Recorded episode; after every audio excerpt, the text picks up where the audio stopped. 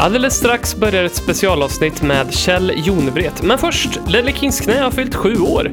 Det är eh, äldre än vad de flesta marsvin blir.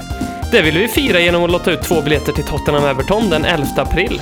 Gå in på vår Twitter och följ instruktionerna. Fredag den 6 mars, runt klockan fem ungefär, så kommer vi dra vinnaren i en livestream på Twitter. Välkomna att följa den. Vad kan vara bättre än att eh, kolla på ett apatiskt och likgiltigt Tottenham tappa greppet om topp 6? Ja, inte vet jag. Lycka till!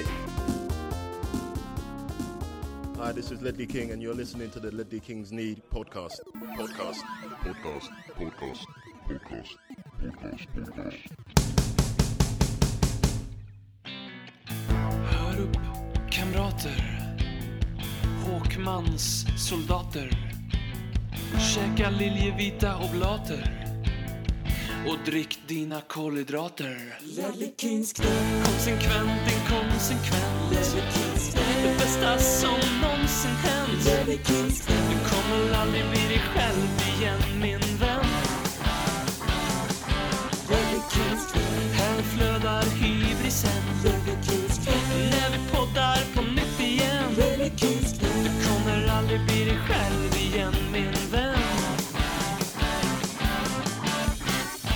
Hej och välkomna till Ledley Kings knä. Här sitter jag, Jimmy Jonevret, i det regniga Göteborg. Eh, till dagen så kommer det bli ett litet speciellt avsnitt. Avsnittsnummer vet vi inte riktigt än då vi inte riktigt är hundra på när det här släpps. Men, men det får vi helt enkelt se.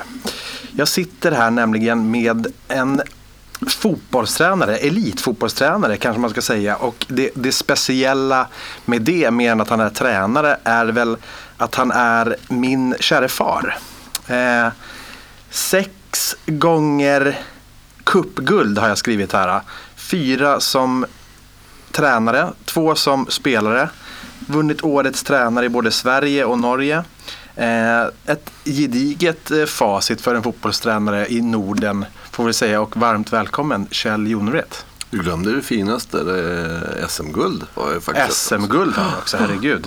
Det, det får man ju faktiskt lägga, lägga till där uppe, högst upp faktiskt. Tack så hemskt mycket. Det känns ju lite speciellt att sitta så här och prata. Men Verkligen. eh, det ska nog gå bra. Det, det ska nog gå bra. Och vi gör ju lite gästavsnitt och sådär. Nu har vi haft med både Erik Niva och Erik Torstvedt och det är Gusten Dahlin och Erik Edman faktiskt också. Så det, är- Tunga det är grabbar. Tunga, tunga grabbar som, som, som du får lägga, lägga till på, på ditt eh, CV att vara med i den här fantastiska podcasten. Eh, nu sitter jag här utan, för första gången tror jag kanske sedan jag började spela in, utan vår eminenta programledare Robin Dronsfield. Men jag får helt enkelt bara försöka få till det här på bästa sätt. Men jag tänker att det, får, det, det hjälps vi åt med. Pajar det helt så får du väl bara skicka över papperna så ska jag lösa det här på något sätt. Precis. Eh, vi kan väl egentligen bara börja med att fråga hur det står till med dig idag och vad, vad gör du nu för tiden? Först och främst, det regnade faktiskt inte i Göteborg idag. gjorde inte det? Nej, Nej, det det gjorde var inte det. Fantastiskt. riktigt behagligt faktiskt. Eh, Men eh, nej, jag eh, är nere i Göteborg just nu för att jag ska imorgon ha lite jobb med några platschefer, unga platschefer på Peab Byggservice. Jobbar lite grann med ledarskap, jobbar lite grann med teambuilding just för stunden. Fotbollen är inte helt lagd på hyllan men det är därför jag är här nere. Just nu håller jag på och jobbar lite grann med lite andra saker. Men det är, jag är fotbollstränare i byggbranschen brukar jag säga. Härligt. Då har, då har vi ändå det på, på papper. Men det, som du säger att fotbollstränarjobbet inte inte lagt på is. Nej, det är inte. Jag körde ju, jag hade många år på rad då, utomlands då. Och sen så, men vi kom hem, det sista uppdraget hade jag nere i Sydafrika. Kom hem därifrån, det är väl ett par år sedan nu. Eh, du vet, våra, mina föräldrar gick bort bägge två. Det var Ja. lite stök med det. Eh, och, eh, så vi valde väl att ta det lite lugnt uppe i Stockholm. Eh, men var inne en sväng i min kära moderklubb Brommapojkarna under hösten och försökte hjälpa till där. Det var lite så mission impossible. Det var lite sent men så vi åkte ju till slut ut med en poäng. Men eh, jag jobbade där i ett par månader på slutet då, och, och är väl lite inblandad i Brommapojkarna nu också även om jag inte har något ansvar som tränare. Då. Men så helt borta är den inte och jag försöker hänga med. Härligt, härligt. Vi eh, pratade om det tror jag i någon form av poddformat här eh, förra säsongen när du var i BP och höll en extra tumme även om det tyvärr inte räckte till. Eh, Tottenham-podd är ju det här. Eh, så då måste man ju på något sätt komma in på det också. Eh, så den första frågan får väl egentligen lyda hur, hur, din, hur din relation till Tottenham ser ut. Över, över både förr och nu. Och, ja. Tottenham är väl alltid en klubb man har liksom gillat att titta på. Eh, det är ju en Londonklubb. När man har varit i London har det ju varit lätt att slinka förbi gamla White Hart Lane någon gång. Eh, men sen har jag också haft en del eh, kompisar där, eller kompisar, men Erik Thorstvedt känner jag ju väl. Eh, och man har följt med, jag har haft möjlighet att möta dem några gånger, jag har varit på deras träningsanläggning några gånger och känner en del folk i organisationen där. Så det är väl en av de klubbarna i England som jag ändå har liksom försökt att följa lite grann. Och sen så har jag ju då två söner som är lite hardcore supporters. Så det har ju blivit att man har fått eh, fått följa med lite extra där. Du, du får höra det varken du vill eller inte. Jag vet ju vilka dagar jag ska ringa och jag vet ju vilka dagar jag ska låta bli. Där, därför så hörs vi inte så mycket nu för tiden. Eh, som, som de flesta förstår. Eh, jag, jag, man kommer ju ofta in på det här. Det här ska man ju jag egentligen fråga dig. Men, men jag fick ju en tröja utav dig. En Tottenham-tröja när jag var jag vet inte hur gammal jag var, men fyra fem år kanske någonting i den stilen. Ja, borde väl ha varit någon så här 93, eh, 90, ja, 93, 94 kanske. Ja, men jag tror, jag tror 94 om man ska mm. vara ärlig, för jag vet att jag köpte en, en uh, sån replikatröja till min kära bror eller, och ditt mm. också andra barn. Uh, så jag tror att det är det, den årgången. Men hur, hur, kom det sig, hur kom det sig att du valde just att köpa mig en Tottenham-tröja? Var, var, vart hamnade, var, hur kom det sig? Är inte den snyggast då? Den är ju fantastiskt mm. fin och den mm. upplagan mm. av tröjor också. En Umbro för de som, jag tror att det är 94 om någon vill, skulle vilja googla men jag, jag vill mm. säga det i alla fall. Det var, jag tror faktiskt att det var så här, eller jag vet att det var så här att vi var Förr eh, så åkte man ofta efter säsongerna på någon liten så avslutningsresa eller man gjorde någonting ihop. Eh, hade det varit en riktigt bra säsong så hamnade man kanske på Kanarieöarna med familjen eh, eller familjerna. Hade det varit en lite sämre säsong så hamnade man kanske bara med killarna någonstans. Eh, vi hade precis avslutat en säsong, jag tror jag var i Vasalund då.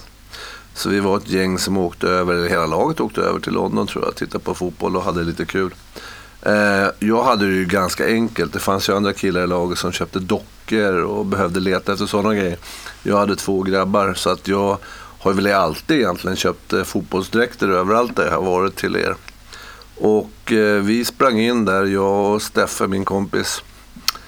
Och jag vet att han... Jag köpte en Tottenham-tröja till dig och en Manchester United-tröja till din brorsa tror jag. Mm. Och Steffe köpte en Tottenham-tröja till den ena grabben och en Leeds-tröja.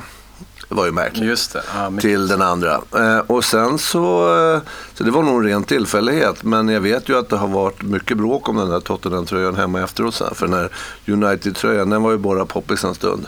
Det, så var det. Den hade, den hade några fina år runt, eh, ja herregud vad det nu är. Sekelskiftet. Ja, precis. Men, eh, men nu så är det fan inte mycket att ha. Jag tror faktiskt inte att den, den lever än idag. Nej, Tottenham-tröjan lever ju men... Eh, ja, ja. Nej, det, det är tveksamt. Men det, jag tror det var så helt enkelt. Och, och jag tror att eh, ni känner väl honom eh, som fick den andra Tottenham-tröjan. Så jag tror att han, Micke fortfarande också en, eh, hänger i även om han nu bor i USA idag. Precis, det... det... blir svårare att följa därifrån. Mm. Men, men jag, tror att, jag tror ganska bestämt att han ändå hänger på hyfsat bra. Men det är inte så det ofta är då? Att man får en eh, tröja eller man får någonting när man är liten och sen så hänger man i liksom. Men det är väl ofta så. Men många gånger vet jag också, jag tror att några av de andra i, i Ledley Kings knä här har väl föräldrar, jag vet någon har föräldrar som har hållit på Tottenham. Robin vet jag, han har ju föräldrar som håller på Arsenal och West Ham vilket var en väldigt konstig bana att ta, Tottenham då sådär med, med, med, tanke på, med tanke på det. Även om det är ju fantastiskt fint att bara gå emot alla på något sätt. Ni hade ju tur där eftersom er pappa hejade väl på Stok i den perioden och de var väl inte riktigt på samma. Nej, Nivå. där får man nog skatta sig ganska lycklig att man inte har, hänger kvar med en Stoke-tröja faktiskt. Eller så är det ganska coolt. Kanske, Mm. kanske. Vi får se. De, de är ju ett jävla gäng som bara buar åt alla spelare och eh, känns, um, känns sådär. Så jag, jag är nöjd men någonstans missnöjd med valet. För det har varit mycket fina toppar och väldigt, väldigt djupa dalar. Men ehm, det, det tillhör väl. Vad fan skulle det vara annars? Ja, men de behöver inte ha jättestora prisskåp. Nej. Nej, men Det- eh, de kämpar på. Det, är lite det är charm, charmen med det eh, någonstans också. Annars hade vi kunnat hålla på Barcelona kanske. Men det känns inte så aktuellt. Eh, om vi ska gå in på din, eh, ditt yrke, alltså egentligen eh, något som är intressant för lyssnarna att, att höra på också. Som, som fotbollstränare, vi har väl inte haft någon fotbollstränare med i podden tidigare.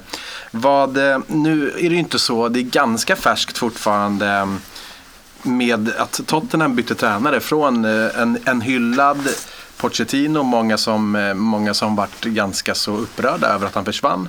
Många tyckte att han hade byggt upp någonting väldigt fint under, under många år i, Tottenham. Får eh, sparken och eh, José Mourinho tog över. Eh, och, och det här blev en ganska naturlig fråga hur, hur, när vi har någon som ändå har varit med om, om samma saker. Hur, hur, är, hur är det att komma in i ett, i ett lag som, och att ta, ta över en, en spelartrupp som på något sätt behöver nödvändigtvis vara på nedgång men att ta över ett lag, bara komma in ny mitt i en säsong. Hur, hur, hur är det?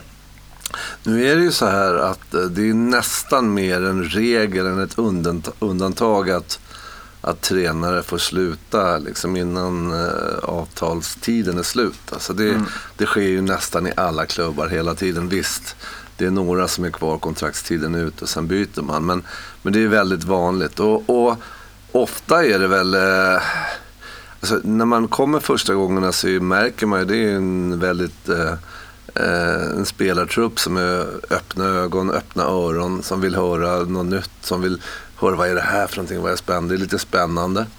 Eh, jag tycker det är rätt så kul att komma in då. Och oftast är det ju så att man kommer in i en grupp som kanske inte mår jättebra. Eh, det finns oftast en anledning till att tränaren har fått sluta.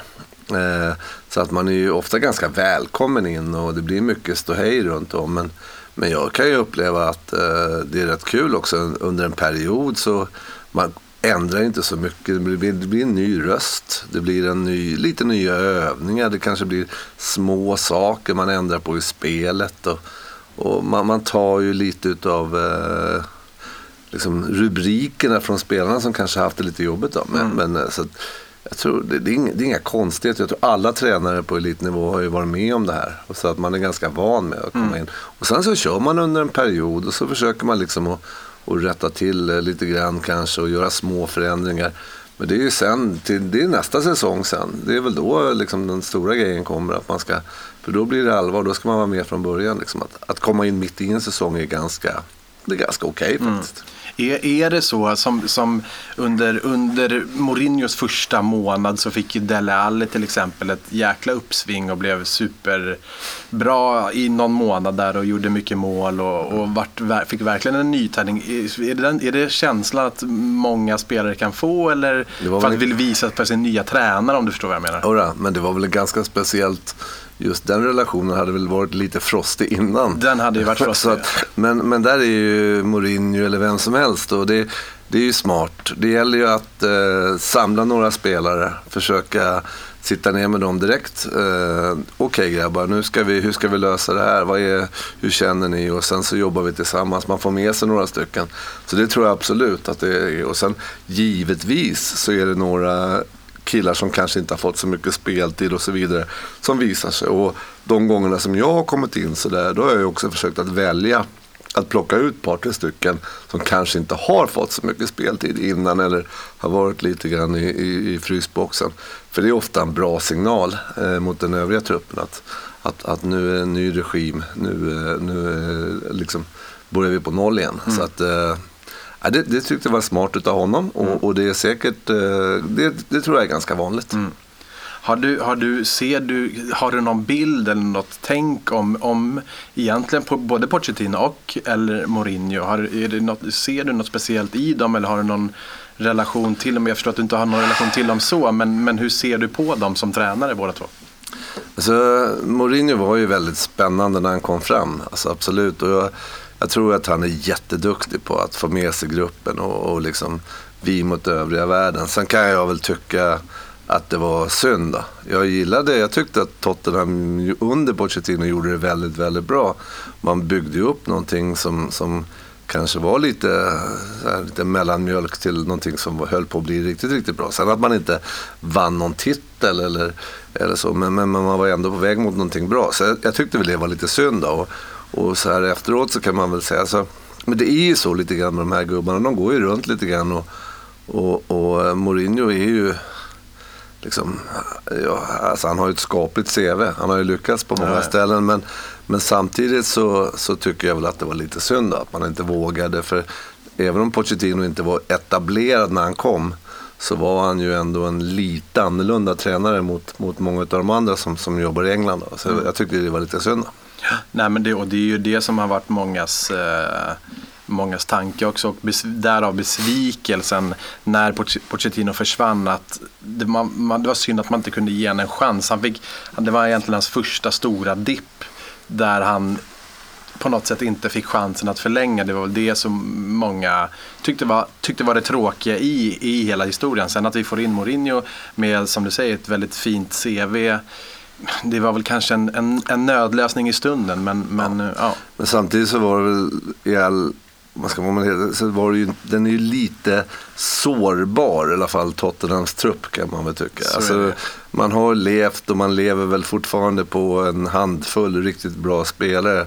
Är det så att de inte har form eller att de kanske till och med blir skadade så är man mycket mer sårbara. Och jag vet ju inte hela sanningen runt vad som hände med Pochettino heller. Men, men det kanske inte bara berodde på resultat. Att han fick sluta har jag ju förstått. Nej. Det, det är väl så det, är väl så det, det helt enkelt ligger till. Ehm, jag tror att du svarade ganska bra på det egentligen men en fråga som jag hade här var också hur, vad är det, har man något prio på när man kommer in som ny tränare sådär under en säsong eller, eller innan en säsong? Finns det något, vad är första liksom steget? Vad, vad gör man med, med sin nya spelartrupp? Jag tyckte du svarade på det ganska bra men kan du liksom, är det något som du verkligen har som du tänker på själv? Ja, kommer du in i ett lag som eh, har haft motgång och det går tungt eller att eh, förväntningarna inte eh, liksom har motsvarats så handlar det ju någonstans om att försöka hitta lite glädje i alla fall. Det är ju så oavsett om du är bagare eller om du är fotbollsspelare så måste man för att leverera, för att prestera, för att baka bra bullar så måste du tycka att det är kul att komma på jobbet. Eh, så det är viktigt att försöka få gruppen att börja må bra igen. Fokusera på rätt saker, lägg energi på att utvecklas varje dag eller att, att liksom, nu ska vi vända det här tillsammans. Eller små saker, Eh, det, det är jätteviktigt. För oftast när man kommer in som ny tränare så mår ju gruppen som sagt ganska dåligt när man kommer. då. Och, eh, så, att, så jag brukar ju alltid säga så att nu ska vi liksom, det, är, inte- det är inte hokus pokus liksom. Eh, Utan man brukar säga kalla en spade för en spade men, men det är lite grann så. Försök att hitta någon form av glädje igen. För att i de här lagen som, som vi pratar om nu så är det ju det är duktiga fotbollsspelare som kanske har dippat lite i självförtroende, dippat lite i andra saker. Så det, det handlar ju om det, bygga upp dem igen liksom. Mm. Hur, sv- hur svårt är det med en tränare som Pochettino som ändå hade sin spelstil och sitt spelsätt. Ganska offensiv fotboll, roligt i många fall att se. Eh, Mourinho under sin första tid, visst det svängde och det gjordes mycket mål, det släpptes in mycket mål. Men nu när han har hittat tillbaka så har han väl egentligen gått tillbaka till mycket det han var kanske i United också ganska defensivt. Hur svårt är det att liksom byta spelsätt under, under en kort period och, och tid? Hur lätt är det att hitta som spelare tror du? Eller hur lätt är det att förmedla det som tränare? Nej, men får du resultat med att du ändrar liksom ganska direkt, att du går tillbaka, du ser att ett lag, eh, oftast är det ju liksom börja med någon form av, som sagt, när man kommer in så är det ju oftast ett lag som har gått lite sämre. Så gäller det ju att börja med att försöka sluta släppa in så mycket mål. Eh, och, och stärka upp det defensiva på något sätt. Och det, Och får man då resultat med det, även om det är lite tråkigare kanske än vad man har haft tidigare, så är det okej okay, tror jag. Och sen så får man börja bygga därifrån och förhoppningsvis hitta tillbaks till någon, någon form av fotboll som, som alla gillar. Men, men det är ändå så, på den där nivån så mäts man ju mycket på resultaten. Så att, eh, och det var väl precis det Mourinho gjorde nu också. Liksom, mm. Försökte gå tillbaka. Så det kanske var därför också som ägarna liksom valde att ta in honom. För man vet ju vilken fotboll han står för.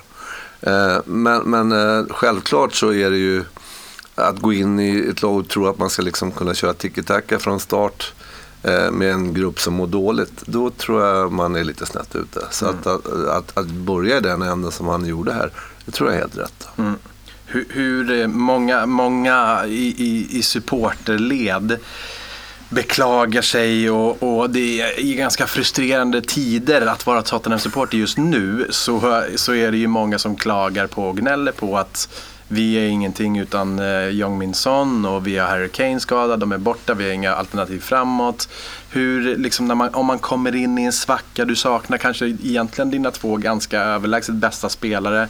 Hur, hur jobbig är en sån situation att hamna i och hur, nu spelar Tottenham med någon, med någon form av, jag vet inte ens, det är knappt någon som förstår själva spelidén med Mourinho. Hur, hur svårt är det att bli av med två? Har du någon gång blivit det vet jag inte men hur, Nej, men det, hur förändrar det, man sig då? Nu nämnde du några namn men det är klart att en, en spelare som Eriksen när han var som bäst för för något år sedan eller ett par år sedan. Det är många kreativa spelare som inte riktigt har kommit upp till den nivån där de var. Och det är klart att det är svårt och därför så blir ju, då blir ju Tottenham plötsligt eh, eh, ja, kanske någonstans där man ligger nu mellan 5 mm. och 8. Mm. Eh, för det finns andra lag som är vassare helt enkelt. Så det är klart att det är jättesvårt. Och, och, och man har väl som vi sa kanske varit avhängd av en 3-4 spelare också. Om man ska vara riktigt ärlig så, så har vi kanske inte alla 11 varit liksom fantastiska. Men man har haft 3-4 spelare som har varit riktigt, riktigt bra. Och är det så att inte de levererar så, så blir man ju lite det är klart att man blir lite sämre. Men, men eh, nu gäller det att bygga upp och som du sa så gjorde han ju Delale direkt till, jag menar hans första månad med Mourinho var ju lysande. Eh, sen har det väl kanske stoppat till lite grann då, mm. men, men, men, men, jag tycker utvecklingen som de har haft, det den, den är väl inte helt oväntad ändå, det tycker jag inte. Nej. Um, det, det, är ju, det är ju... Även om alla hoppas att det ska bli segrar och så är det troféer. Ju. Såklart, såklart. Och, och vi på något sätt är det ganska skönt att skylla på att vi har blivit av med Harry Kane, med, med Son och Mourinho spelar en defensiv fotboll. Vi har inte köpt in någon forward. Och då, det känns som att det är därför. Sen att inte Mourinho har förmågan, eller vad vi nu vet, att förändra det och ta det utifrån där att vi fortfarande är väldigt tunna framåt. Men ja, det är väl, det är väl en ursäkt för, från, från vår sida i alla fall. Och jag vet inte om det tröstar oss eller om det frustrerar oss ännu mer. Men det... Jag har ju en eh, rätt skön med Mourinho förresten. Så är ju faktiskt, eh, där har ju jag och Ole Gunnar Solskär då en gemensam nämnare. Ja, att bo, eller Mourinho och jag har en gemensam nämnare. För båda har blivit ersatta av Ole Gunnar Solskär.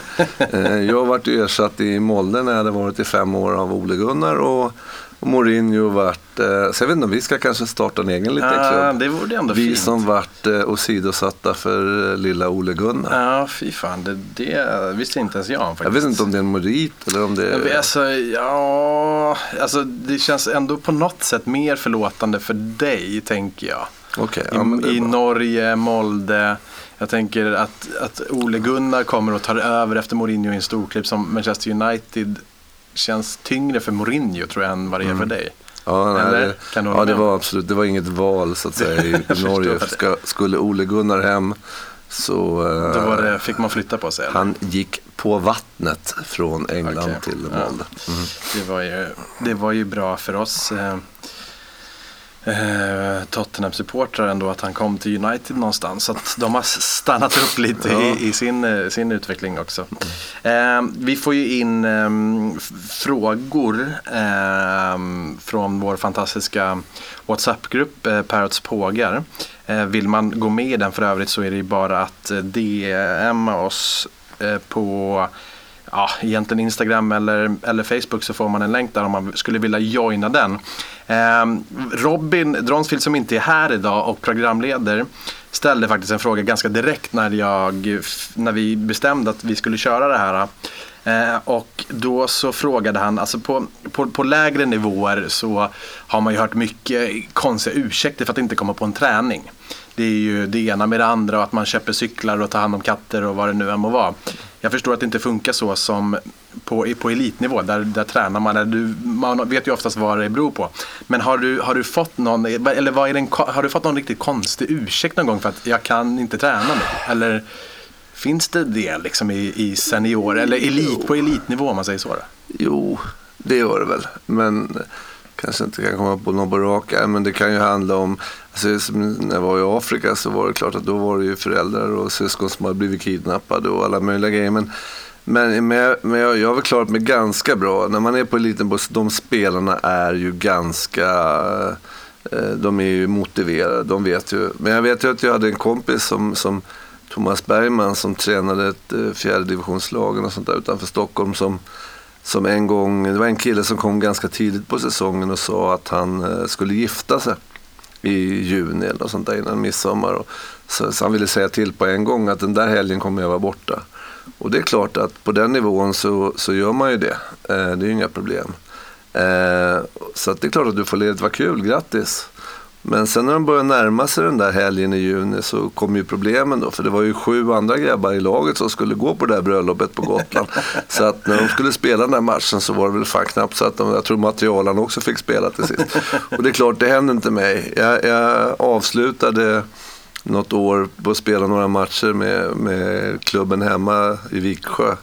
Och där vet jag att vi hade några killar, det var mässa, var båtmässa så att de var ju tvungna, det var två stycken som hade korvförsäljningen där ute som inte kunde komma. Så det är klart att man har, men om det är dåliga ursäkter eller inte, det, det vet jag inte. Men, men, visst har man väl haft, eh, visst har man väl kommit på en del spelare genom åren som kanske inte riktigt haft eh, rent mjöl när de, när de liksom kom med ursäkten varför de inte kom eller inte. Och det är klart att någon har försovit sig då och då. Men, eh, men oftast på den där nivån så tror jag att de, de är ganska i tid på träningarna. De, det är deras levebröd. Man kan ju hoppas det i alla fall. Mm. Även om det ser ut som att några i Tottenham missade genomgången inför match då och då. Men, men, ja, ja men det kan ju hända. Jag, jag, jag, har ju varit en så att när går bussen, det handlar lite om respekt också. Sånt där. Jag har ju haft flera spelare genom åren som har fått åka både taxi och köpa egna flygbiljetter. För att säger vi att bussen går 10, då går bussen 10. Och är man inte där då så får man ta sig till matchen bäst fan man vill. Och, och det, så det har ju hänt några gånger. Att,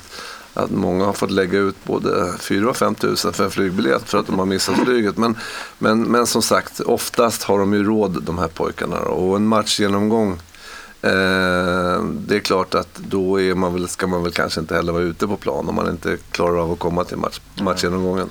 Är, är spelare, både dina som du har haft, men också till exempel Tottenham, jag tror att du inte vet det, men de är rätt bortskämda eller? Tänker det, är, det är klart att det är. Det är ju Måste det vara så för att man ska kunna nej, lyckas? Nej, det behöver det inte. Men, men idag är ju fotbollen sån att eh, man får ju höra när man är 15, 16, 17 år att man är väldigt duktig. Och, och det blir agenter som tar hand om dem och, och, man daddar med dem väldigt mycket. Och man, jag säger inte att det, att det behöver vara fel alla gånger men det är många som, som inte liksom, eh, den här som uppfostran som man fick i hemmet av sina föräldrar tidigare, den försvinner. Man flyttar till ett fotbollsgymnasium eller man flyttar till en akademi i England eller vad det är när man är väldigt ung.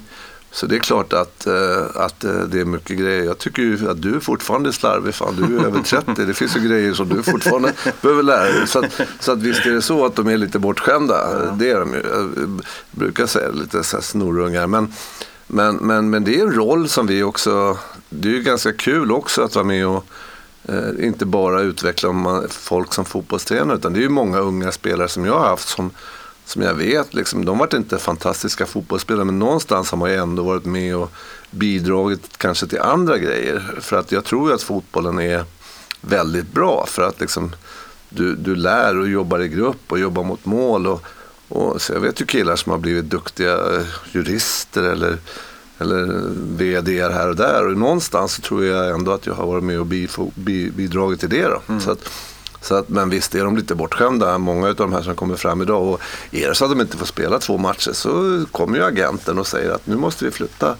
Eh, Så det är klart att de, de blir daltade väldigt mycket. Har du någon, ja, vi, att eh, Troy Parrott i Tottenham, eh, yngling som är väldigt populär och många vill ska få chansen nu.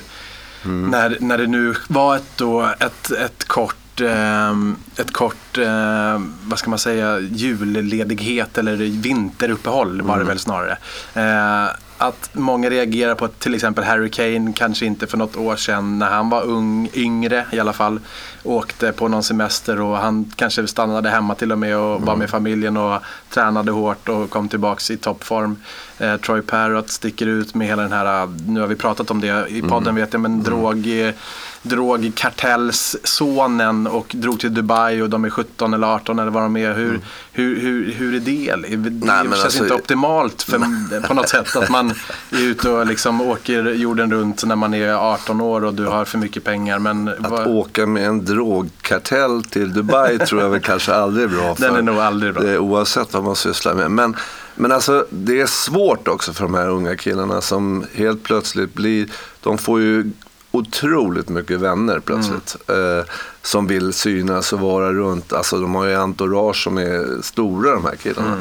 Och, så jag tror inte att det är så förbaskat lätt heller för en sån kille. Men, men själv, jag kan väl kanske också tycka att många av de unga nya som kommer fram är ju otroligt seriösa och nästan så att man skulle vilja bjuda dem på en öl någon gång ibland för att slappna av lite grann också. Så det, jag tror det finns båda. Men, men det är klart att om en ung kille, 17, 18 år, 19 år i England spelar Premier League i en sån klubb och, och folk bara, det, det är inte så lätt att ha fötterna på jorden och plötsligt så börjar massa pengar ramla in och så vidare. Så att, eh, men det är klart att eh, min rekommendation är väl att man ska hålla sig borta från drogkarteller. eh, eh, Känns- oavsett om man spelar fotboll eller inte. Det, det, Känns- det tror jag är bra. Känns som ett, som ett smart val. Eh, Känner, känner man som tränare att man har något ansvar för de yngre? Att liksom visa dem någon, någon form av start på livet eller utanför planen Ja, också? nej men absolut. Det var det som jag sa tidigare. Här. Att jag menar ju att eh, min upp... Nu är jag ju, börjar ju fan bli lite äldre. Men det är klart att eh, vi tar av oss mössan när vi är inomhus. Eller vi eh, tackar för maten. Eller vi ställer tillbaka stolen. Eller vi hjälper till att ta en bag om vi behöver från bussen. Eller eh, sådana här med allmänt hyfs. Alltså, absolut, det, det, det känner jag. Det är nog lite olika från tränare till tränare också. Men, men jag, som jag sa inledningsvis, jag vet ju att alla spelare som jag har haft inte kommer bli professionella och tjäna massor med miljoner och leva på det resten av livet. Utan många av dem kommer göra helt andra saker. Och jag, där har vi ett ansvar, tycker jag absolut. Att, att, att hjälpa killarna in på rätt väg. Så Troy Parrott får helt enkelt rådet att stanna hemma, träna extra så, så kommer det bli succé. Det här.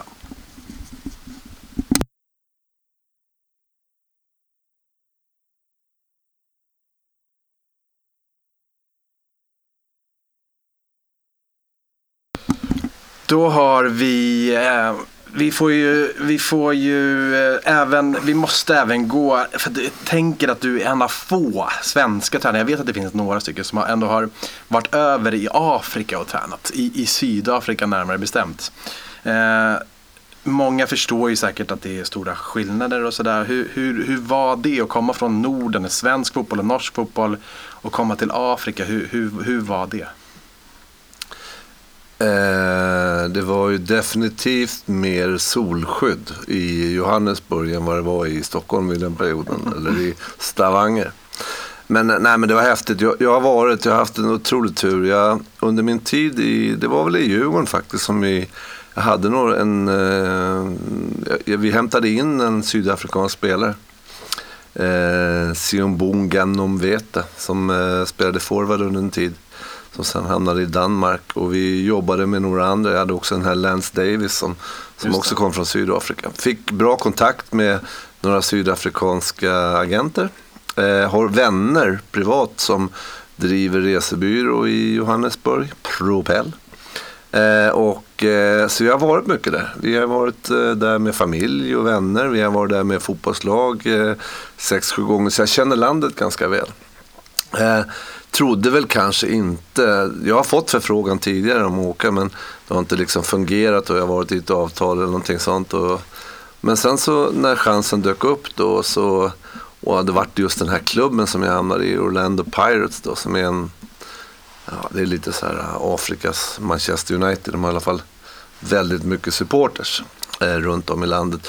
Så, så eh, det var ju ingenting att tveka på. Det var ju bara att åka. Det var ju jättehäftigt. Och sen naturligtvis så komma ner med våra svenska, skandinaviska värderingar dit ner. Eh, man var ju beredd på att det skulle bli en liten krock.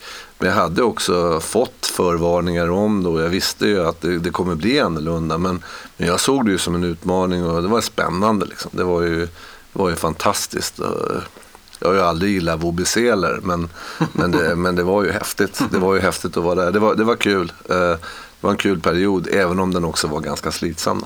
Mm.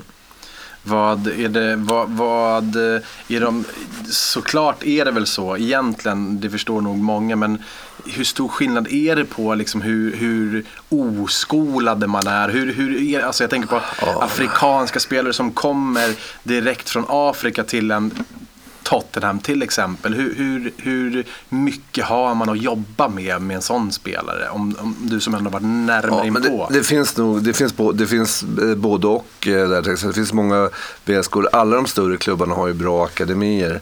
Men det finns också spelare som är 25-26 år. Jag hade en spelare som debuterade nu i landslaget där för bara något år sedan och han var väl 27-28.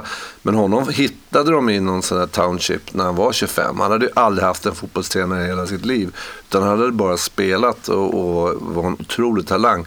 Men det var ingen som hade talat om för honom att man kanske måste sätta i stödjebenet på det sättet när man slår ett inlägg. Eller, alltså, det var det som vi gör på knatteskolan eller vad det kan heta, fotbollsskolan när man, när man är liten. Det hade de aldrig gjort utan de hade lekt på eh, jordytor i sina township. Liksom. Så att det finns både och eh, naturligtvis. Men lig, alltså landet, just Sydafrika då, om man säger just, det, finns, det är en otrolig skillnad mellan olika länder i Afrika också.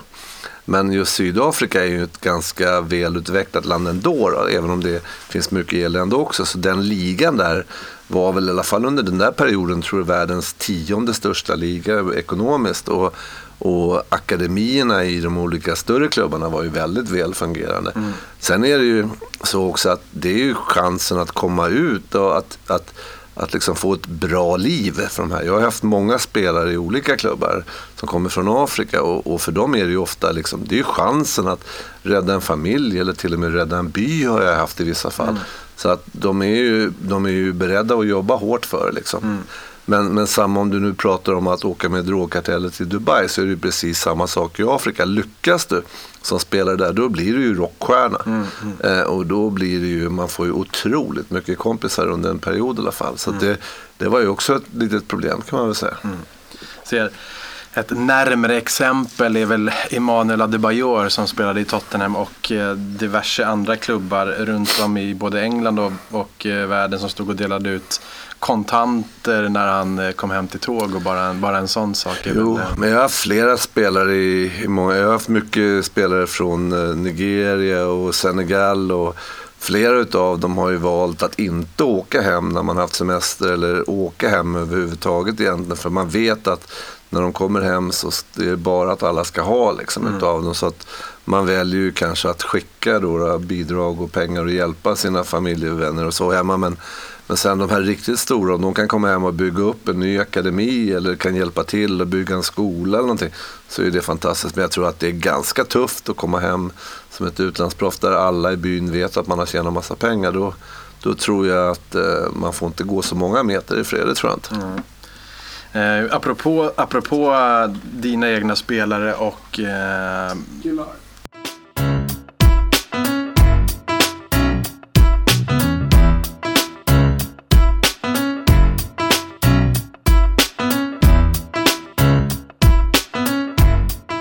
Då ska vi se här. Det har varit ett jäkla spring i korridorerna här på Posthotell i Göteborg. Så att eh, vi får helt enkelt eh, fick bli ett litet ljud, eh, ett litet break här. Men, men vi kommer tillbaka till halvtidsvila, precis. Eh, vi kommer tillbaka till det och det jag, det jag ville få fram var att vi pratade ju om, apropå afrikanska spelare och senegalesiska spelare och sådär, så vet jag ju att det var faktiskt en fråga också från någon i gruppen. Ehm, att hur var, de, det var någon som hade luskat fram då som att du hade sålt då Mamberam Diouf från Molde till Manchester United. Och det är ju ganska, ganska stort på, på en i nordiska mått mätt. Så att få sälja någon till Manchester United är ju inte varje dag. Kan du, hur, hur var det? Och fick du, jag tror till och med den specifika frågan blev Fick du dricka vin med Sir Alex Ferguson? Om man skulle vara så. Men jag kände, hur, hur gick det till och hur var det? att få, för för, för det, vad jag vet så fick ju du besöka klubben. Men ta oss igenom det, hur var det? Eh, nu var det väl kanske inte jag då, som sålde honom då, men jag hade honom i alla fall. Men det började ju några år tidigare. Det här är ju, han blev väl såld eh, till Manchester United tror jag 2010 eller något sånt. Men det här började ju något eller ett par år tidigare. Då kommer det, när jag började jobba i, i Molle då. Så kommer det en ung, det var, vi hade flera, vi hade två, tre stycken från Senegal eh, i laget då. Så kommer en ung spinkig kille som är kanske då 17-18 år och så Please coach, help me, I want to be a footballer. Vet jag att han, någonting sånt. Eh, för det var just det här som vi pratade om, att han hade, kände att han hade talangen, han hade möjligheten att kanske kunna hjälpa alla där hemma. Och sen jobbade vi. Eh, vi bestämde att nu kör vi de här 20-30 extra skotten varje dag. Han var forward. Eh, du är lite för smal och spinkig man. Du måste in och jobba lite i gymmet. Och han gick in i gymmet och jag fick liksom bära ut honom därifrån till slut så att han inte skulle bli för grov. Men vi jobbade. Vissa dagar kom han ihåg det. Vissa dagar glömde jag, så kom jag ihåg det. Och vi jobbade vi jobbade varje dag. Eh, han visste, han var ju riktigt duktig eh, under vårsäsongen. Och så visste han att det var massa klubbar som var intresserade. Eh, han åkte på semester tror jag med sin flickvän någonstans. Och så eh, visste han att han skulle bli såld. Det var bara frågan om var. Och han ringde väl hem och så eh, kunde vi då meddela att ja nu är du såld man. Liksom. Eh, men vad vart det då? Vad vart det då? Ah, vi har sålt dig till Manchester United. Var på, det var ganska tyst i telefon och det var ju liksom en och du förstod att han hade svimmat. eh, det är klart att det var otroligt för en, en ung, eh, relativt fattig kille från eh, Senegal då, att bli såld till Manchester United. Eh, men han eh, fick spela med oss resten av säsongen och jag åkte med honom ner på när säsongen var slut i november så åkte vi ner dit när han hade sin liksom första, när han skulle liksom introduceras i gänget. Och så han, de lånade ut honom till oss resten av året. Och vi var nere där och, och, såg en match, det var väl Champions League mot någon, men de var redan klara för liksom åttondelsfinal eller vad det kan vara, så de spelade lite med B-laget. Så vi står där uppe i det här Players Lounge eller vad det kan heta på Old Trafford. Då, och där kommer de fram liksom en efter en, för de valde ju att spela med lite, lite reservbetonat lag. Så där kom liksom Rio Ferdinand och Giggs och alla kom upp och Hello mom, welcome mom. Och, och du såg, då var han den här lilla smala killen igen mm. som han hade varit tre, fyra år tidigare. Men sen så efter en stund då, i alla fall så, så följde han väl med några stycken av de där killarna då ut på läktaren då. Och satt med dem. Och eh, det är klart att man hade ghostbumps liksom när man såg att han satt blivit bland de där killarna. Och sen efter det så har vi väl inte hört så mycket mer.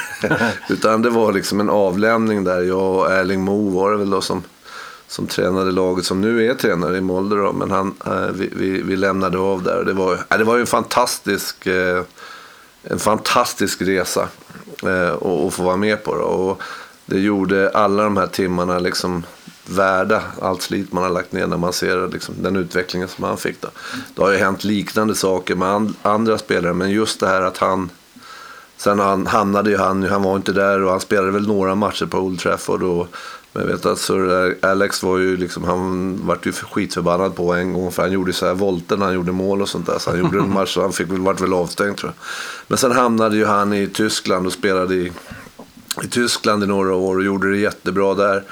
Och sen så hamnade han väl i Stoke. Så det vart ju inte så jättemycket av honom i, i, i, Manchester United. Men det var ju ändå en resa. Men en gedigen proffskarriär. Ja, det får säga. man säga. Och han, han är väl fortfarande igång. Han är väl född 1988 tror jag. Så mm. han är fortfarande igång eh, i Stoke, även om han varit mycket skadad. Då. Men, men han kan man väl säga att eh, där känner man ju definitivt att man har varit bidragande till att hjälpa en kille och hjälpa kanske en hel jädra by hemma i, i, Senegal. Så det, det var en häftig resa. Eh, vindrickning med Sir Alex eh, har det väl inte blivit jättemycket. Jag har hälsat på honom några gånger. Men jag vet att under den perioden som just när han var där då i början. Jag var tillbaks där efter ett tag då och tittade ute på Carrington. Fick vara med på och titta på lite träningar och sånt där. Och då vet jag att Ferguson var ju inte alltid ute på träningsfältet utan han satt ju ganska mycket uppe på hörnkontoret och tittade ut genom fönstret när grabbarna tränade. Men så kom han ju ner ibland och så sa han ju bara någon gång att ja, han är ganska bra den där, den där eh, killen. Eh, men vad är det han kommer ifrån nu då? Han hade inte riktigt koll på om han var från Nigeria eller Senegal eller vad det var. Så det kanske var så att eh, det var väl ett köp ändå mer för framtiden än kanske stärka A-laget då. Men eh, någon vindriktning vart det aldrig. Men han var väl eh, han var ganska trevlig i alla fall. Ja, det är ju det är fint det på något sätt. Ehm, jag, jag, jag, som vi nämnde i början av avsnittet så, så har ju du vunnit eh, cupguld och eh, som spelare men också SM-guld som jag missade men även cupguld som tränare. Hur, som för Tottenham vann sin senaste titel 2008. Eh, ligacupen, inte lika märkvärdig så, men, men dock en, en, men en, en titel så att säga. Eh, innan det var det 91 eh, med vår förra gäst eh, Torstvedt som, som vann FA-cupen då. Hur, hur, hur viktigt är det för en klubb, tror du, att, att vinna titlar? Vad, vad betyder det för en klubb? Den betyder nog olika för olika klubbar. Det är klart att, eh, att vinna titlar för Barcelona eller Real Madrid är kanske inte riktigt lika viktigt som det är för eh, Leicester när de vann. Eh, jag var ju under mina år i sista år i Stavanger så hade jag Ian Börsnell som nu tränar i Östersund hade jag som assistenttränare och han är född och uppväxt och var Leicester-supporter. Och det året när Leicester liksom, liksom hängde med och vann ligan så han grät ju. Alltså, han grät ju efter matcherna, en vuxen karl liksom som det, det var ju så stort. Va? Att, och, och, när de vann serien så han var knappt pratbar i, i, på flera veckor. Han var, trodde inte det var sant. Så att det är klart att titlar är jätteviktigt. Men, men det är också för, för vissa typer av klubbar ska ju inte vinna titlar. Utan där är det ju lite grejen att man, man, är, vi är, liksom, man, är, man är supporter och man stöttar i vått och torrt. Ordet supporter har ju en betydelse liksom. Mm. Så att det kan ju både hjälpa och stjälpa. Det är klart att de stora klubbarna, Manchester United och så vidare. Nu när man inte vinner titlar helt plötsligt så blir det ett jäkla hallå. Men visst är det viktigt att eh, Visst är det viktigt för alla inblandade och idag med sponsorer och allting det här så är det ju klart det är jätteviktigt att få någon pokal någon gång då och då. Mm. Det, det, tror jag, det tror jag är viktigt. Mm. 30 år är lite väl länge, ja, det, det, det börjar På en stor titel ska sägas. To dare is to do. Men, mm. men det är bara att kämpa på. Det, kommer, det var ju Alltså en Champions League-final är någon form av titel det också. Då. Det, var ju, det var ju ganska häftigt mm. uh, att få vara med om det säkert för supporterna. Men, mm. men visst, uh, en, en uh, liten, jag vet inte om man har någon lokal, du är ju ganska många andra. Men just nu är det inte så mycket bra Londonlag. Så att kanske finns någon DM eller någonting man kan, kan vinna där. För inte ens Arsenal är, ska inte behöva bereda någon motstånd som det, det ser ut just nu. Även om vi vann Audi Cup på försäsongen och det är ju inte heller fy skam. Vi fick i alla fall lyfta en buckla. Absolut, jätteviktigt. Den, den tar vi med oss och det var faktiskt ingen mindre än Moussa Sissoko som faktiskt fick göra det också, vilket också var vackert på sitt sätt. Mm. Eh, som, jag vet att du var inne lite på det i början. Eh, när vi pratade om, om din spelarkarriär och sådär. Men jag råkar ju faktiskt veta då att du har ju faktiskt spelat emot Tottenham. Eh, inte bara en utan två gånger två år i rad när du spelade själv i norska Viking Stavanger. Eh, hur, hur, för det första, hur, hur kom det sig och hur, hur, kan du berätta lite mer om de här mötena? Det här var ju ändå 80 och vi pratar eh, när, samma år som du är född faktiskt. Samma år som jag är född, 89. Det var en match som var 89 och en match som var 1990 tror jag. Ah. Mm. Hur, hur, var, hur var det? Och berätta, hur kom det sig för det första? Jag, jag, vet inte riktigt, men på den tiden så åkte inte klubbarna på Audi Cup i, i Dubai eller vad Nej. det kan vara. Utan på den tiden så åkte de engelska ligaklubbarna ofta. Vi mötte ju under mina år i Sverige, eh, liksom i både Brommapojkarna och AIK och jag nu spelade så mötte vi ju engelska lag på sommaren. Man valde ofta att åka på träningsläger till, till Sverige eller så. Tottenham just var väl att vi fick en, det var som en liten vänklubb där. Vi var där och, och hälsade på och tränade. Vi spelade väl ingen match i England tror jag, men vi var där och tränade vet jag. Och det var väl mycket kanske tack vare Erik Thorstvedt också då, som Erik the, the Viking hette han väl om. Det var just för att han kom ifrån våran klubb från början. Det vet jag inte. Sen var han ju i Göteborg och lite andra klubbar innan han kom till Tottenham kanske. Men han var en Stavangerman, eller han är en Stavangerman. Så Tottenham valde att lägga träningsläger i Stavanger. Det är ju en fantastisk plats då. Så de var där flera somrar på rad. Och, och vi hade matcher mot dem då. Så det, jag tror att det är den vägen, men, men eh, jag vet inte riktigt. Men, men det var mycket vanligare på den tiden att de engelska klubbarna, nu åker de ju och spelar. Nu kan det ju vara en match mellan eh, Liverpool och Milan på Friends Arena. Det var ju inte aktuellt på den tiden, utan då, då mötte man ju det lokala laget liksom. Var, var det... Var, alltså, om, man, om man ser så här då. Eh, först och främst kanske man ska säga, hur gick det för er? Vad, vad blev liksom resultaten? Jag är ju ruggigt stolt först. Först och främst så kan jag säga den första matchen. Eh, jag har ju varit tvungen att titta upp det här lite grann efteråt för jag, man glömmer. Eh, men eh, först och främst var det så att i Tottenham under den här mitten på, på 80-talet eller, s- och, och, och in mot slutet så var det ju Glenn Hoddle, Chris Waddle. Det var ju liksom mina idoler. Kanske ännu mera Chris Waddle som jag tyckte var en jädra skön, lite halvslö kant sådär som drev runt lite grann som John Robertson en gång gjorde i Nottingham Forest för er som är, kommer ihåg när Malmö spelade. Men tyvärr då så gick ju eh, Chris Waddle gick till Olympiakos, eller nej till Marseille gick han precis när vi skulle mötas. Så jag hade ju spetsat in mig på att jag tänker den tröjan ska jag bara sno. Liksom. Och Chris Waddle hade slutat. Men den här matchen, men de hade ju då fått, de fick Gascoigne och även om de inte var några stora spelare på den riktigt då så hade det kommit, de hade ett riktigt bra lag. Eh, första året vi spelade så eh, vet jag att vi ledde med 1-0 till 68 minuten. Jag och Gassa klev av planen i 65. Så att jag har aldrig förlorat liksom, mot Gassa. Jag hade 1-0 när jag klev av. Då, för då släppte vi in B-gänget lite grann sista 20 minuterna. Och tyvärr då så gjorde Tottenham. De hade lite starkare B-gäng än oss och de gjorde fem mål på slutet tror jag. Men, men med, med bästa elvan så ledde vi med 1-0 efter 70 tror jag.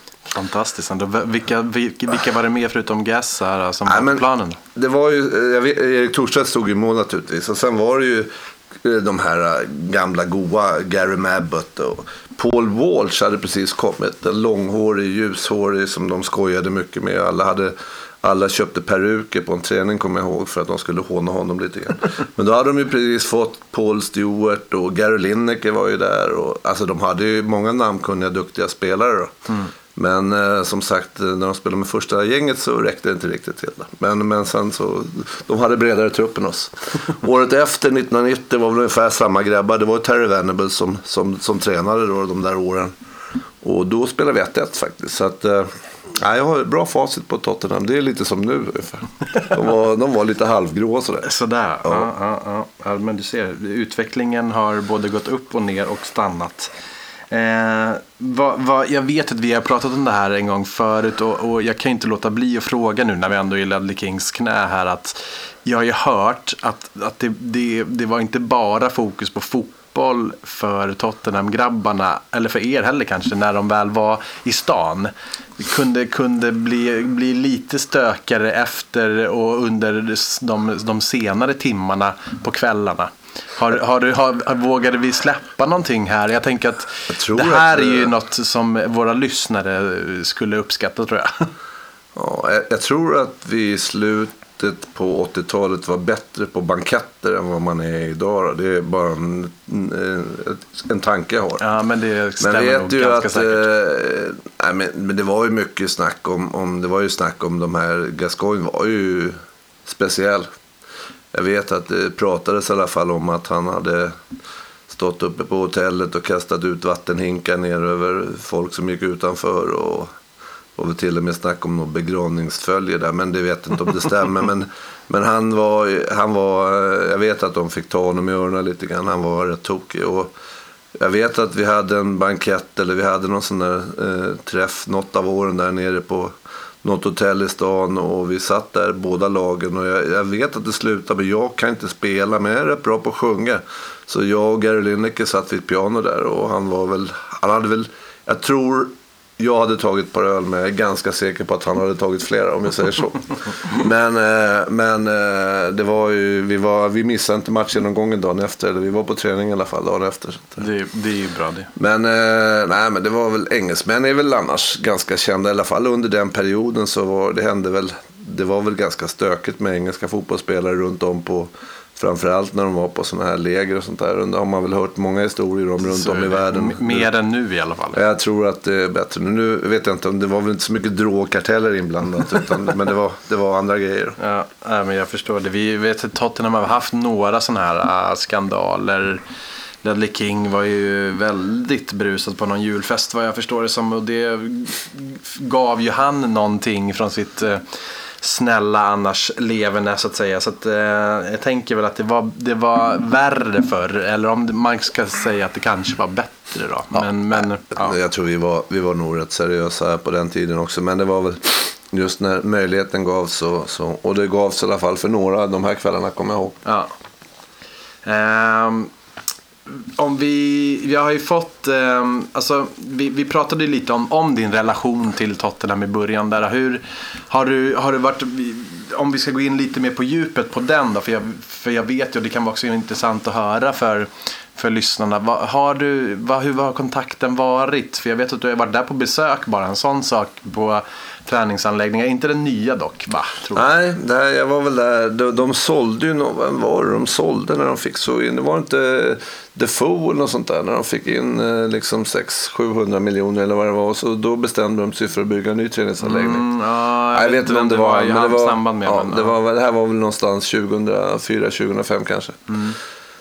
Eh, men jag var, jag, har varit på, jag var på gamla träningsanläggningen ett par gånger. Framförallt så var jag där när det var med Martin Joll var där. Eh, hade lite kontakt, eller lite kontakt genom andra. Så med, innan Frank Arnesen var ju sportdirektör i ett antal år. Men sen lockades väl han över till Chelsea under lite så här stökiga förhållanden. Men då, då eh, var jag där någon gång och Martin Joll tog ju över. Va, som, han var inte han assistent från början. Men det var, Ja, möjligt. Jag minns Jo, men inte var exakt så. hur den vi ja, har men det var så i alla fall tror jag. Och så kom han in och han var en riktigt trevlig prick. Så att vi fick komma in där. Vi var ett, ett litet gäng svenska tränare som var där vid, några tillfällen och fick, fick följa eller se lite vad de gjorde.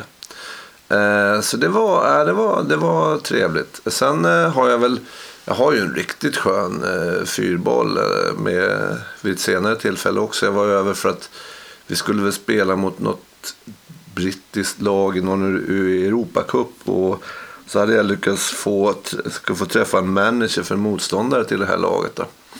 Så vi bestämde att vi skulle träffas på, för han hade lite ingångar i Tottenham och jag hade någon svensk kompis med mig också. Så, så vi träffades där för att jag skulle få lite information om det här laget vi skulle möta. Då. Och det här slutade med att den här managern och den här svenska kompisen som jag hade. Jag, eh, Steve Perryman och Svaldo Ardiles. Eh, det var ju helt sjukt eh, vilken boll. Hamnade ute på någon restaurang på kvällen. Och, jag vet inte hur mycket jag fick reda på egentligen om det här motståndarlaget. Men, men det var en jäkla trevlig kväll i alla fall. Det var ju, jag satt ju där med stor mun och öppna ögon för en spelare som Osvaldo Ardiles. Var ju, det var ju liksom en av mina idoler när jag var ung. Då. Och Steve Perryman med allt det han gjorde för Tottenham. Och jag fick, ja, eh, jag ska inte säga jag känner honom verkligen inte. Men, men eh, jag har träffat honom några gånger. Och att vandra runt på gamla White Hart Lane med Steve Perryman. Då har du definitivt frigång, ingång till alla, alla eh, läktare i alla fall. Han var ju gud där när, när man var där. Och, vandrade runt. Så att jag har, nej, men jag, har, men jag har haft lite tur och har träffat lite folk i Tottenham genom åren. Då. Men, men nu är det väl några år sedan. Mm. Att eh, du inte tog ett glas med Sir Alex men har suttit på en middag med Osvaldo Ardiles, Ricardo Villa och Steve Perman.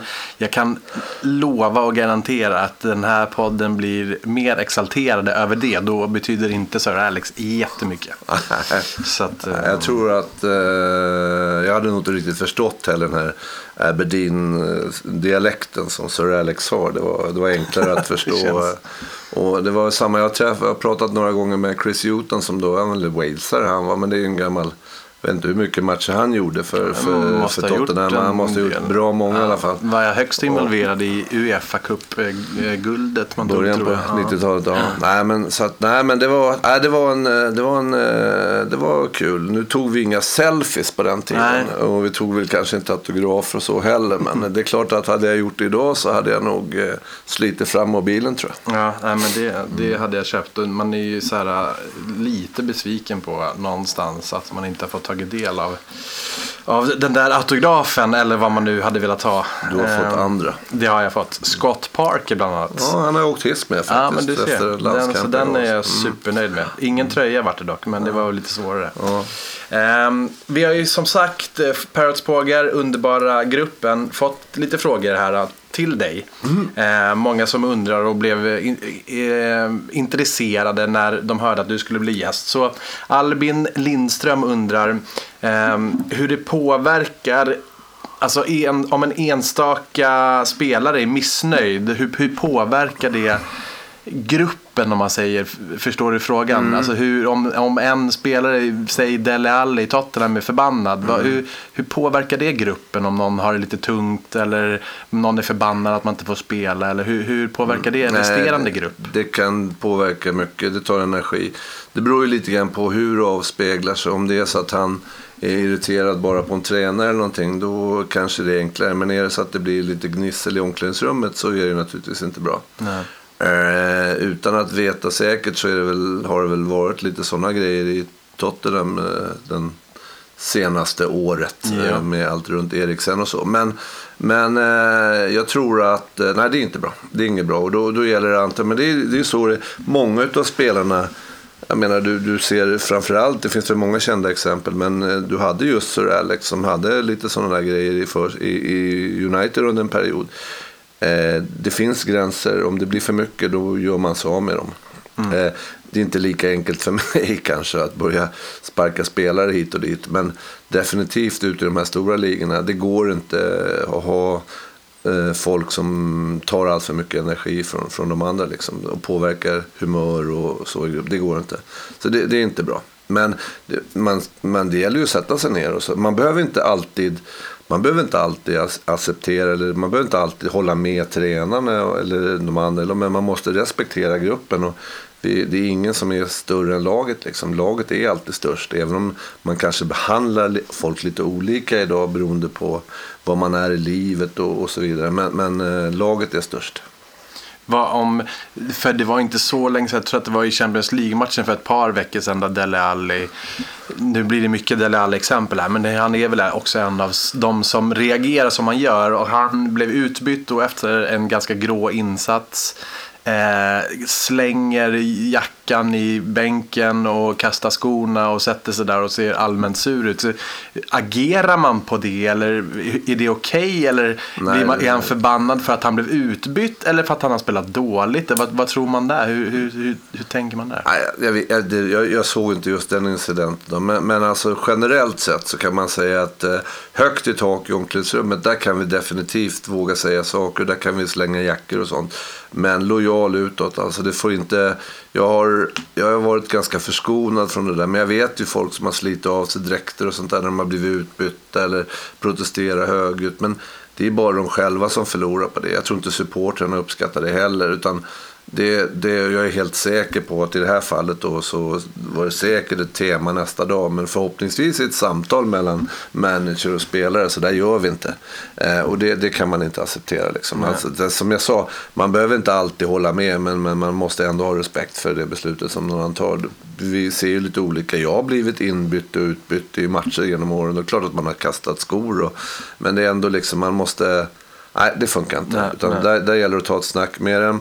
Och, och sen är det så att det inte går att lösa, då, då får vi försöka skiljas åt och hitta andra vägar. Mm. Sen är det ju så att, var just det här då, så i England, jag menar, vi, vi, det är lite annorlunda. I Sverige, om, om jag ger en... Jag kan inte ge böter eller jag kan inte göra sådana saker. Då har vi spelarfack och vi har allting möjliga grejer.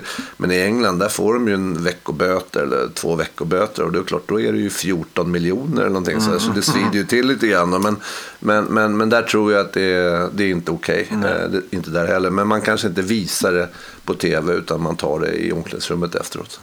Vad, eh, det kommer faktiskt in på lite på, på nästa fråga också från Mr Frodo.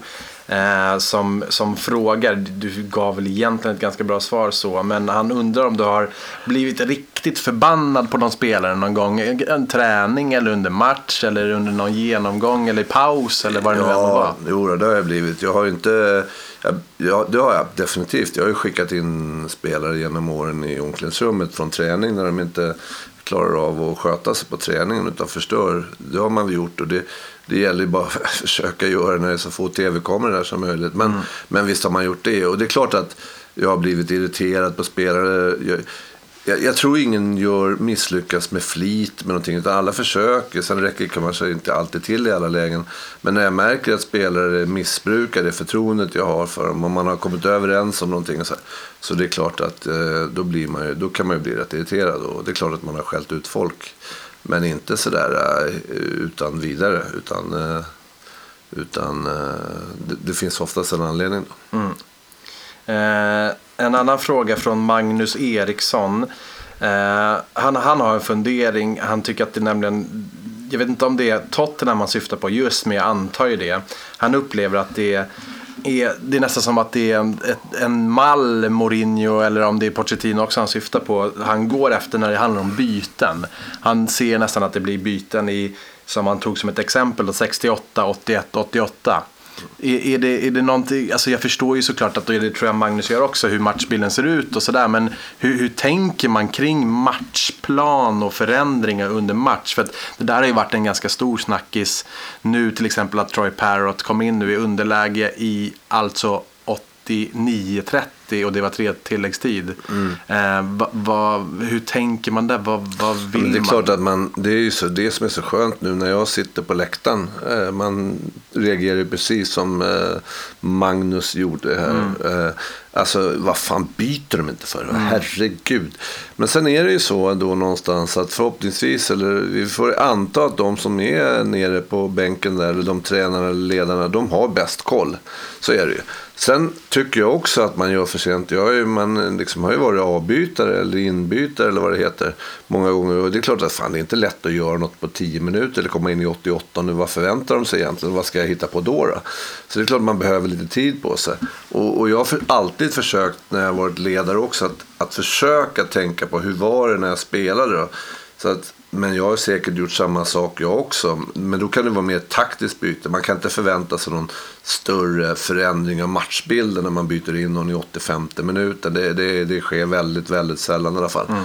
Så jag har ju försökt att byta tidigt om det gått. Redan i halvlek har ju hänt många gånger när man har mm. legat under att man har tagit ett par spelare och så. Men men jag tror att vi, man måste också lita på de tränare som står. De har bäst koll. Är det någon som sitter på bänken som de tror kan förändra någonting eller göra något, då hade de gjort det.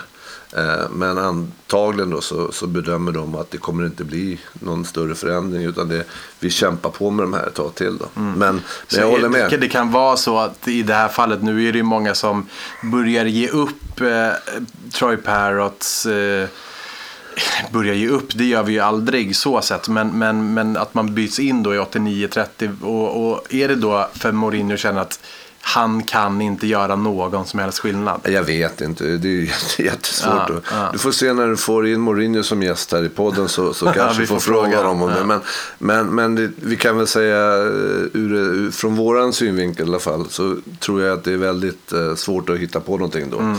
Eh, de gör säkert bedömningen och de ser ju spelarna varenda dag. Det är klart att de hade spelat honom om han hade varit mm. bättre än mm. de andra. Så är det ju.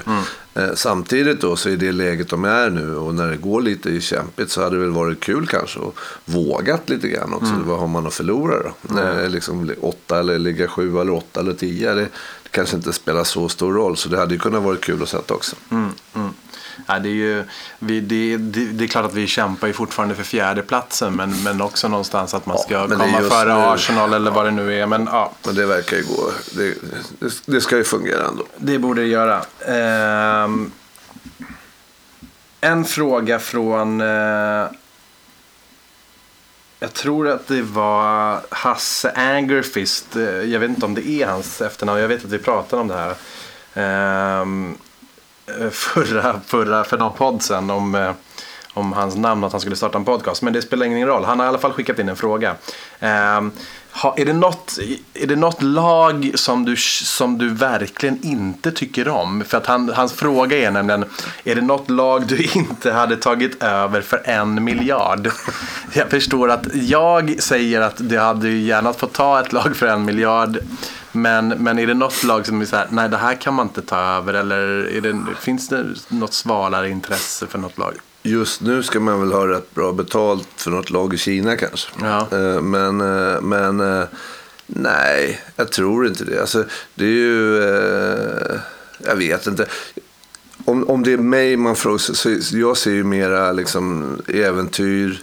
Eh, något, eh, att, att man säger det här skulle vara intressant att hitta på någonting med ett lag som kanske har gått lite dåligt. Eller, eller ett lag som är väldigt bra och man liksom får utveckla. Så att, nej, jag, jag kan inte säga så. Det, jag har inget agg mot något lag. Även om det är vissa lag naturligtvis som jag kanske tycker mindre om än andra. Eh, men det är ju beroende på att jag har mött dem eller att de har haft en jävla kaxig tränare eller någonting. Eller, eller någon spelare och så här. Så.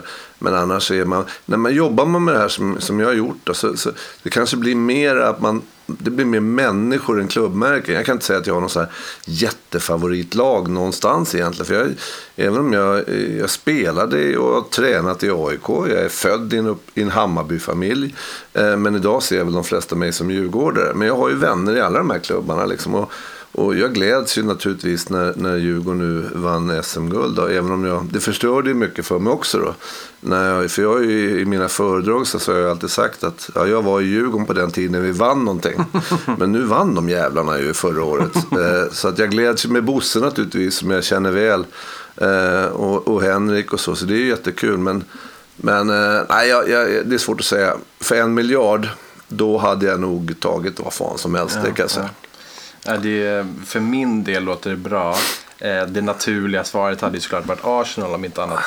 Eh, jag tänker på att eh, vi, vi ska börja avrunda här. Men, men om, om du ska ge oss Tottenham-supportrar något hopp nu. Vad, vad gör man? Man ligger 7-8. Vi, vi, det, det är 5-6 poäng upp till fjärde plats. Vi är fortfarande kvar i visserligen eh, tufft läge i Champions League med förlust i första matchen mot Leipzig. Men eh, vi är kvar i FA-cupen, spelar mot dem Norwich nu om imorgon i ta, pratande stund eller vad man ska säga. Hur, vad, vad gör man åt en sån här säsong när man någonstans har lite för långt upp till en fjärde, eller lite för långt. Men du förstår vad jag menar. Ja, det kan fortfarande gå naturligtvis. Men, men jag tror ju liksom att, alltså, eh, att, att liksom störa, det var, det var ju jättekul när man, man fick allt att klaffa nästan här för ett par säsonger sedan. När man, när man var med ända in i slutet liksom. Någonstans kanske man ändå måste inse, som, tyvärr som det ser ut just nu då, att, att City och Liverpool och de här lagen som har fått bygga och som har haft mycket pengar och, och jobbat på. Eh, de, de är kanske steget före. Men det är klart att Leicester och Wolverhampton och, och kanske United nu och någon till. Det, det, man är väl lite på samma nivå som dem. Det är ju bara att jobba på. Sen kommer det ju vara så. Det är ups and downs i fotboll. Eh, nu var man väl väldigt avhängd av att eh, Harry Kane skulle liksom eh, göra mål och lyckas. Och så försvinner han. Och så, så förhoppningsvis har ägare och management lärt sig någonting utav. Man måste ha lite, kanske lite bredare om man ska vara med där uppe. När det sker en skada i Liverpool eller någon annan. Då, det går rätt fort att ersätta honom.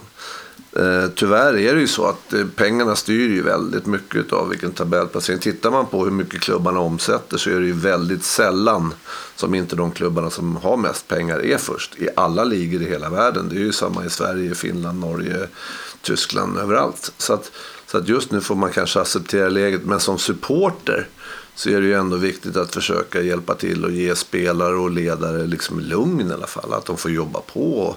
Vi stöttar oavsett hur det går så kommer det ju vända igen. Det är klart att det kommer bli bra Tottenham-säsonger igen. Och, Och jag tror inte det kommer ta 30 år till innan de vinner en pokal. Men, men, eh, men den här säsongen ser ju lite mörkt ut. Då. Men som sagt, eh, det är bara att kämpa på. Bollen är rund. Bollen är rund. Ehm, även om det inte känns som det alltid. Ehm, jag tror att vi faktiskt nöjer oss där. eh, om det inte är något du har som du inte har fått sagt. Jag tycker att du har fått väldigt mycket fina härliga anekdoter sagda. Ja, och de som inte är sagda tror jag inte kanske är lämpade för podden. Då. Även om det som sägs i den här podden stannar väl i den här podden. Det gör ju det, Mm. absolut. Så är det ju. Eh, vi... Eh, vi eh, nej, det, skulle du fått något sagt så känns det som att du har fått det du vill få ut i alla fall. Så att det är helt, helt bra. Och vi, eller jag är ju väldigt nöjd och glad. Mm, jag är ju glad att få få- träffa dig. Det är inte så ofta man får träffas men nu för tiden. precis, det är ju bara en sån sak. Det är ju helt fantastiskt. Eh, men återigen så ska vi, eller jag tacka för frågor som har kommit in från Parrots Pågar. Som sagt, vill ni vara med där så bara hör av er till oss så, så löser vi det såklart. Eh, fantastisk miljö att vara i. Eh, och sen så får jag ju tacka dig, eh, min kära far, för att du ställde upp och gjorde det här. Och jag hoppas att ni lyssnare är nöjda och glada och fick, fick lite insyn i hur, en, hur, hur tränaryrket fungerar och, och, och hur det ser ut på, på den fronten helt enkelt. Vi ses på någon arena någonstans. Vi gör väl det. Eh, tack, tack för idag. Mm, tack själv. Konsekvent, inkonsekvent. Någonsin hänt.